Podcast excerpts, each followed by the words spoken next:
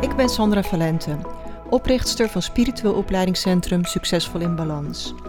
Als je graag persoonlijk en spiritueel wilt groeien, dan ben je hier precies aan het juiste adres. Ik deel al mijn kennis en lessen met jou in deze podcast, op Instagram onder Sandra Valente en via de cursussen en opleidingen in het opleidingscentrum van Succesvol in Balans.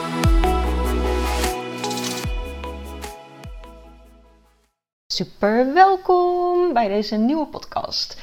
En deze keer ga ik het met je hebben over deze wereld heeft meer licht nodig. Want ik voel heel sterk dat we al jaren in een hele heftige wereld zitten, die van de ene crisis in de andere valt.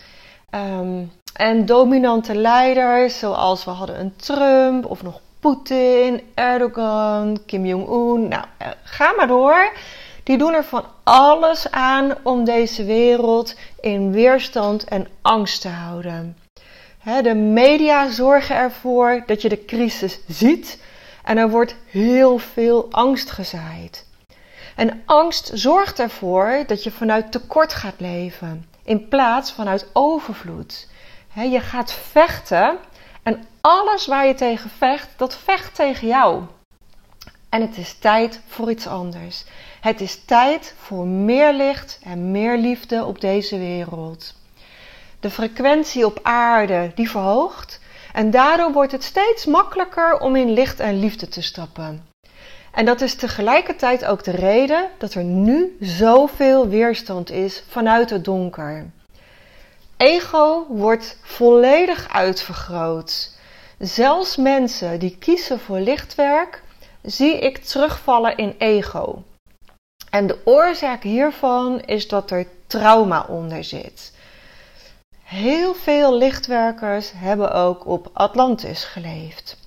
En Atlantis wordt natuurlijk gezien als een mythe, maar voor mij staat het voor 100% vast dat Atlantis heeft bestaan en dat ik er meerdere keren geïncarneerd ben. Ik heb zoveel boeken gelezen over Atlantis uh, en over reïncarnatie. Ik heb heel veel onderzoek naar Atlantis gedaan. Ik heb heel veel mensen ontmoet die herinneringen hebben aan Atlantis. En dan denk ik, het kan geen toeval zijn dat er zoveel mensen herinneringen hebben aan Atlantis. Het is voor mij de bevestiging dat Atlantis bestaan heeft. Maar volg hierin vooral je eigen gevoel. Ik deel met jou hoe ik het zie. En dat hoeft niet per se jouw waarheid te zijn, maar kijk gewoon of het met je resoneert. In mijn beleving heeft Atlantis duizenden jaren bestaan en is het ongeveer 5000 voor Christus gezonken als gevolg van ego.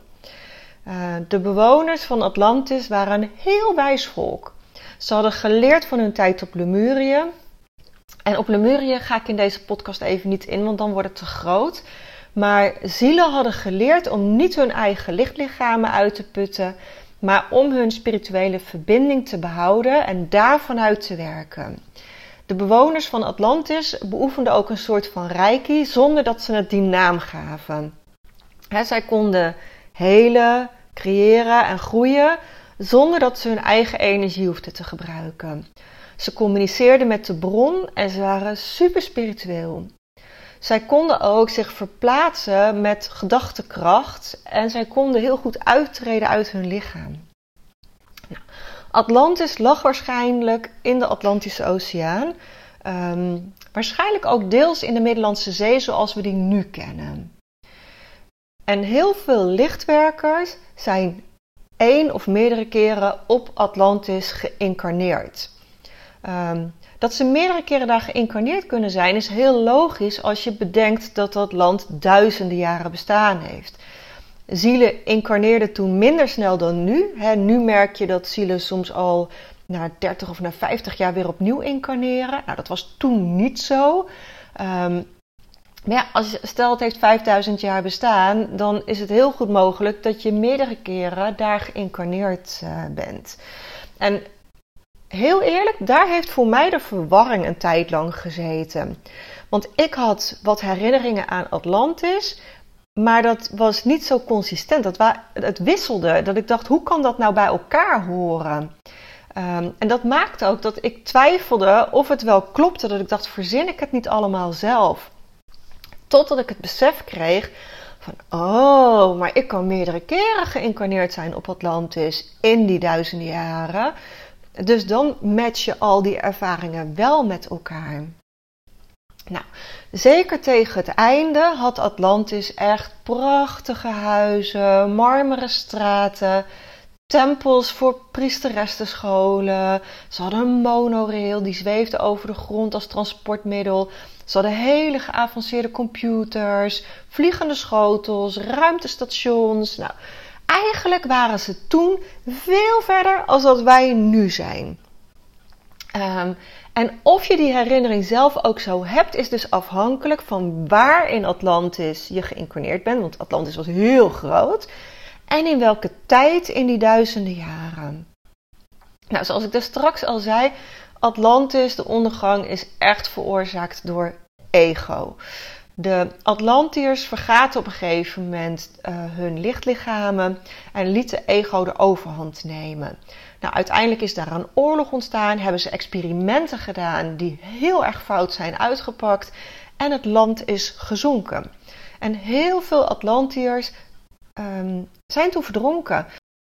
Als je in een vorig leven verdronken bent op Atlantis, kan het zijn dat je in dit leven bijvoorbeeld moeite hebt met zwemmen in zee of met water, zonder dat je begrijpt waarom. Dat je denkt: ik heb in dit leven nog nooit iets vervelends meegemaakt in de zee. Um, en toch heb ik weerstand tegen die zee. Nou, het kan dus heel goed zijn dat je in een vorig leven, of mogelijk zelfs helemaal terug in Atlantis, verdronken bent. En dat dat nog in je zielsimprint zit.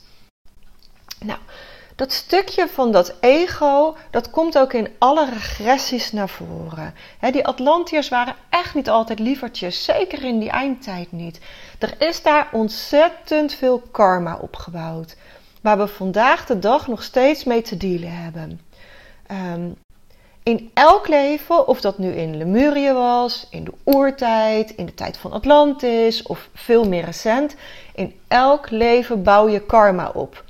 En dat karma neem je elke incarnatie weer mee totdat je het opgelost hebt. En tuurlijk zou het leuker zijn om uh, te bedenken dat wij altijd uh, de goedheid zelf zijn geweest. Maar we hebben als ziel ook alles mee willen maken. We zijn allemaal een keer dader geweest. We zijn allemaal een keer slachtoffer geweest. De, iedereen wil alles een keer meemaken. Dus we hebben ook echt wel minder schattige levens gehad. Waarin we echt niet de beste of de leukste waren. En dat in het ego van nu vinden we dat weer lastig om te omarmen, zeg maar. Ja, en in, in de theorie kunnen we het dan nog wel op een bepaalde manier zeggen van nou ja, oké. Maar echt gaan uh, teruggaan naar van, nou, wat heb ik nou eigenlijk precies echt gedaan en wat heb ik precies veroorzaakt, dat is echt wel een next level om dat aan te kunnen gaan. Besef dat alles een doel heeft gehad. het is nu de tijd om de kennis van Lemurië en Atlantis samen te laten komen in de vijfde dimensie op aarde. Er zijn nu ongelooflijk veel lichtwerkers op aarde om hierbij te helpen. Er zijn ontelbaar veel engelen, gidsen, opgestegen meesters die hun uiterste best doen om vanuit de bron te helpen. Echter, zij mogen niets doen zonder dat er om gevraagd wordt. De vrije wil is de basis van het leven op aarde. Daarom mag jouw beschermengel niet uit zichzelf iets doen. Dus je zult er zelf contact mee moeten maken. En ik krijg ook best wel vaak de vraag: ja, ben ik nou wel een lichtwerker? Of wanneer ben je dan een lichtwerker? Joh, dat ben ik toch helemaal niet? Of um, nou ja, wat mij betreft is een lichtwerker iemand die zijn eigen licht erkent en die wil bijdragen om meer licht op aarde te brengen. In welke vorm dan ook je hoeft niet per se, net als ik, een groot spiritueel opleidingscentrum te starten. Het mag ook gewoon in je eigen omgeving, je eigen gezin of bij vrienden. door je eigen trilling te verhogen, neem je automatisch je omgeving mee. elke keer dat jij spiritueel groeit, verhoog je een beetje van de trilling op aarde. je kunt je licht verspreiden door te mediteren, door gebeden op te zeggen, door visualisatie, door reiki te geven. Ehm, er zijn heel veel mogelijkheden.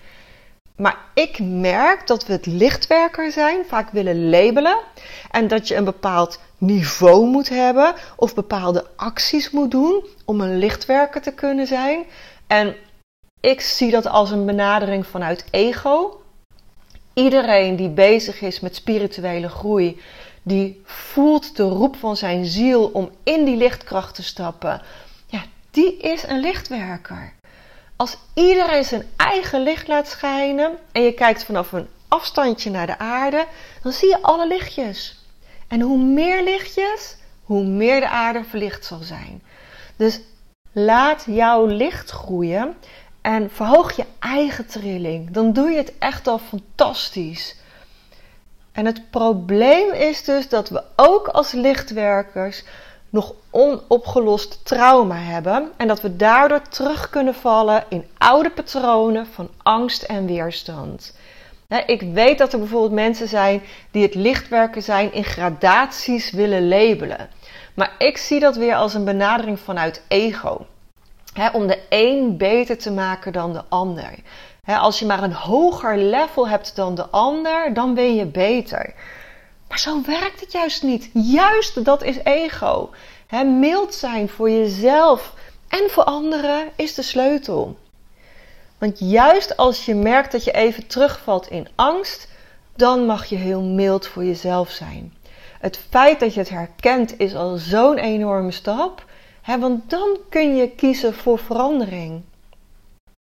En bij het vergroten van je bewustzijn ga je gewoon steeds meer zelfleiderschap nemen je hebt controle over je gedachten, je hebt controle over je gevoelens en je emoties, je hebt controle over je energie en de mate waarin je in je licht gaat staan. Je hebt alleen maar controle over jezelf en niet over de ander. Je kunt anderen hooguit inspireren door zelf het licht en de liefde te leven. Be the change you want to see in the world. Leef wat je in de wereld wil zien. En op een dag zal de weegschaal naar het licht doorslaan. Dat staat al vast, dat gaat gebeuren. Alleen weet niemand wanneer. hoe meer mensen kiezen voor het licht en de liefde, hoe sneller het zal gaan. Maar weet ook, hoe meer mensen kiezen voor licht en liefde, hoe meer weerstand er ontstaat aan de andere kant van mensen die graag de macht willen houden. Nou, dus even heel praktisch, hè? Hoe doe je dat nou? In je licht gaan staan en blijven staan. Door elke keer weer terug te keren naar jezelf. Zorg dat jouw bewustzijn groeit. Zorg dat je jouw intuïtie ontwikkelt. Dat je regie gaat nemen over jouw gedachten, gevoelens en emoties. Dat je regie gaat nemen over jouw energie door cursussen, opleidingen. En dat je oude patronen en oud trauma gaat helen. En zodra je merkt dat je in de weerstand of in de angst terechtkomt, keer weer terug naar jezelf via je ademhaling, via meditatie, via aarding. maak heel bewust je eigen energieveld weer groter, zodat jij die gloeilamp bent. zuiver je energieveld van alles wat niet van jou is. Want je zit in de angst en de weerstand omdat je onbewust de energetische deuren hebt opengezet. Transformeer alles wat je niet dient in liefde en stuur het terug naar de ware bron. Want dan kun je jouw licht weer gaan stralen. En als iemand je heel erg raakt in zijn of haar gedrag, wat maakt dat die ander jou zo weet te raken? Welke pijn zit daar nog onder? dat gedrag van die ander zegt niets over jou. Die ander die handelt vanuit eigen angst of pijn. Maar het feit dat het jou raakt, geeft aan dat jij ook nog iets te helen hebt. dus welke pijn wordt er bij jou aangeraakt? En nogmaals, wees mild voor jezelf en voor anderen. Zie dat alles een doel heeft. Niets gebeurt zomaar. Je bent op aarde om te leren en te groeien. En dat je juist nu op aarde bent, is omdat er veel werk te doen is. Jij kunt dit. Het is een enorme uitdaging om elke keer weer terug te keren naar jezelf, maar jij kunt dit. Wat heb je nu nodig? Wat heb jij nodig om zelfleiderschap te kiezen? En ook al voel je je soms alleen of als een roepende in de woestijn, er zijn oprecht heel veel lichtwerkers op dit moment op aarde. Je bent niet alleen. Het hele universum staat achter je. Durf hulp te vragen aan je gidsenteam. Je doet het echt fantastisch. En ja, ik maak deze podcast, maar ik leer ook nog steeds. Deze podcast is net zo goed een boodschap aan mezelf als aan jou.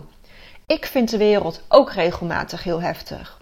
Want juist als gevoelig persoon neem ik alle angst en weerstand waar. Ik pluk het gewoon uit de lucht. En dat is niet zo heel moeilijk met de hoeveelheid negatieve energie die er nu in de lucht hangt. ook ik moet elke keer weer bewust die keuze maken om dat los te laten. Om terug te keren naar mezelf en in mijn licht te gaan staan. En als ik het kan, kan jij het ook. Want als iemand in de wereld het kan, kan je het leren. Ik weet het zeker. Stapje bij beetje. Iedereen moet ergens beginnen. Ja, de een is verder dan de ander. Maar wat als we dat niet hoeven te labelen? Een prachtig mantra is bijvoorbeeld: Ik kies voor liefde. Liefde voor mezelf en liefde voor iedereen om me heen. En ik inspireer anderen om hetzelfde te doen. schrijf hem eventueel even op. Ehm, als dit met je resoneert, deel deze podcast dan ook met anderen. Want samen kunnen we die wereld mooier maken. En laat me ook weten wat dit met je doet. Ik lees dat echt heel graag. Nou, en als je dan nog één dingetje voor mij wilt doen, want ik ga deze podcast afsluiten, maar zou je als je alsjeblieft deze podcast een 5 sterren beoordeling willen geven op Spotify of een uh, leuke review schrijven op iTunes, want zo kan ik nog meer mensen bereiken en zo kunnen we nog meer licht en liefde over de wereld verspreiden. Dankjewel voor het luisteren en tot volgende week.